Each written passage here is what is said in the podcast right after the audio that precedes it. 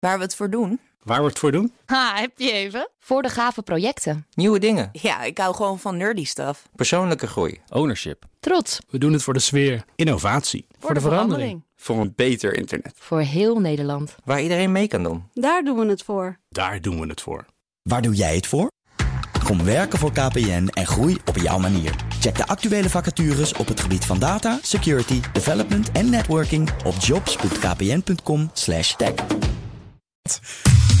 Wetenschap vandaag.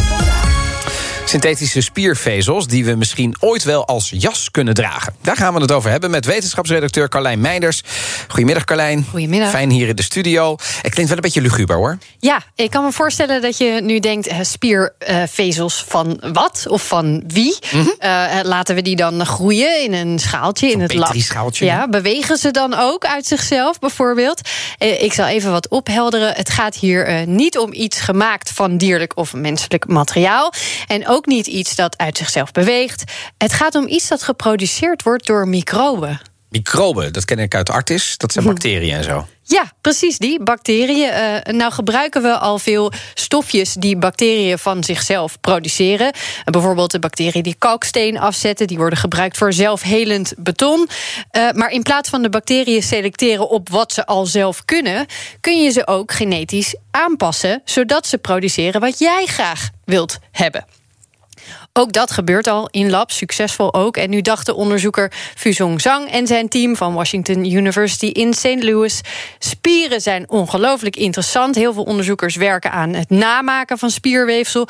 Kunnen we niet dit laten maken door die bacteriën? Oké. Ehm, maar dit klinkt vrij ingewikkeld voor een eencellig organisme. Ja, ja. Eh, compleet eh, spierweefsel, ja. Maar dat hebben ze niet gedaan. Ze kozen een van de drie grootste eiwitcomponenten in spierweefsel, titine. Titine zorgt voor de elasticiteit en stabiliteit van de spier. En is ook een extreem groot en zwaar molecuul. Dus eh, waar begin je dan? Dan sleutel je eerst het gen voor titine in die bacterie. Je geeft hem als het ware de opdracht. Dit is wat ik wil dat je gaat produceren. Alleen is titine dus enorm. Eh, dat is een voordeel voor het eindproduct, maar een hele grote uitdaging bij het ontwikkelen van het proces. the bigger of a protein size you have, then the better uh, mechanical property you get. So in this case, we, we, we, we, knew that we have to develop a way to make a large size protein where bacteria in general, uh, naturally, they do not do that. So the goal was to develop a synthetic strategy that would allow those microbes to make a protein that is uh, much larger than what it naturally can make. Ze moesten dus zorgen dat die bacterie veel grotere eiwitten maakte dan ze van nature doen. Dat lukte ze uiteindelijk. Ze pasten het proces in de organismen zo aan dat de bacteriën uiteindelijk organische verbindingen konden maken die 50 keer groter zijn dan wat ze normaal produceren.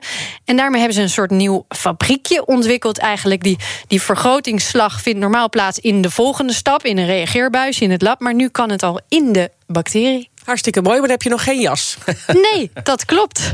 Eh, de geproduceerde eiwitten werden daarna met een weeftechniek verwerkt tot vezels die ongeveer een tiende van een mensenhaar in dikte zijn. En dan kun je weer verder. En waarom is het beter dan wat er al is? Nou, een van de sterkere materialen die we nu kennen is Kevlar bijvoorbeeld. Oh, ja. Eh, vandaar eh, dat het onder andere gebruikt wordt in kogelwerende vesten. Deze door microben gemaakte synthetische spierweefsels, vezels, zouden nog sterker zijn dan dat. En dan is dat eh, interessant eh, voor bijvoorbeeld iets als beschermende kleding? Ja, beschermende kleding, kogelvrij vesten, zoiets. Eh, maar ook kleding die gewoon heel lang eh, mee moet gaan. En er zijn nog meer toepassingen denkbaar. people are looking for materials that behave very similar with human tissues uh, that are elastic and uh, stretchable and tough uh, so that you can use those materials on, on robots and to promote a safe human robot interaction. Voor soft robotics is het dus interessant. Het is heel moeilijk gebleken om iets te maken wat op ons spierweefsel lijkt, omdat het gewoon een combinatie is van vezels met veel verschillende eigenschappen. Eh, dat krijg je niet zomaar in één materiaal. Geldt overigens ook voor deze synthetische spiervezels. Die gedragen zich dus als titine. En titine is een passieve structuur. Dat wil zeggen, het samentrekken van de spier, daar heb je dan weer iets anders voor nodig. Dus het zal waarschijnlijk altijd een combinatie worden, maar deze vezels zouden een hele mooie toevoeging kunnen zijn. Waar ook naar gekeken wordt, is medische toepassingen. Want het materiaal lijkt heel erg op de eiwitten in onze eigen spieren. Dus dan zou het heel interessant kunnen zijn voor iets als hechtingen bijvoorbeeld. Het zou dan goed biocompatible zijn. En het wordt waarschijnlijk uiteindelijk gewoon heel netjes afgebroken weer door je lichaam. Maar die laatste, die moeten allemaal nog wel een beetje worden onderzocht of dat ook zo is. Beetje relevant wil je zeg maar de productie hiervan kunnen doen. Kun je dit ook in grote hoeveelheden maken dan? Ja, um, dat zou je misschien niet denken, maar want, want het is best wel een he, ingewikkeld proces ja, allemaal. Klinkt althans, ja. Ligt ook een beetje aan het type product dat je er uiteindelijk mee wilt maken. Iets als een kogelvrij vest mag in de productie meer kosten dan een, uh, een jas die in de winkel moet hangen. Uh, maar in principe, zei Zang, is het een techniek die makkelijk op te schalen is. De machines voor het weven bijvoorbeeld bestaan gewoon. En de microben zou je in grote fermentatievaten heel veel van dat eiwit kunnen laten produceren.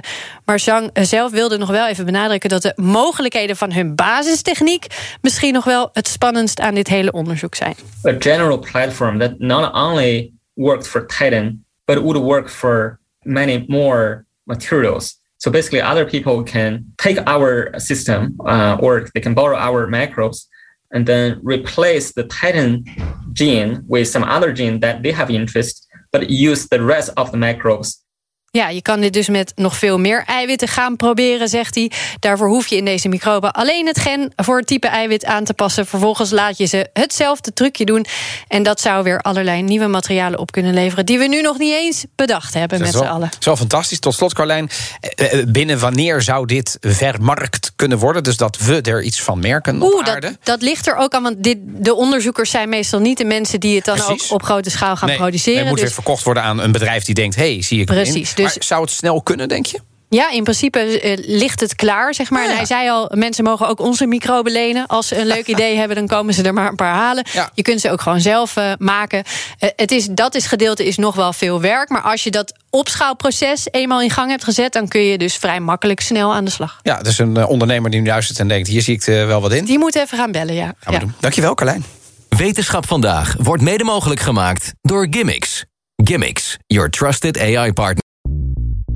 Bij BNR ben je altijd als eerste op de hoogte van het laatste nieuws. Luister dagelijks live via internet. Bas van Werven. En heel langzaam komt de zon op rond dit tijdstip. Je krijgt inzicht in de dag die komt op BNR, het Binnenhof in Nederland en de rest van de wereld. De Ochtendspits. Voor de beste start van je werkdag. Blijf scherp en mis niets.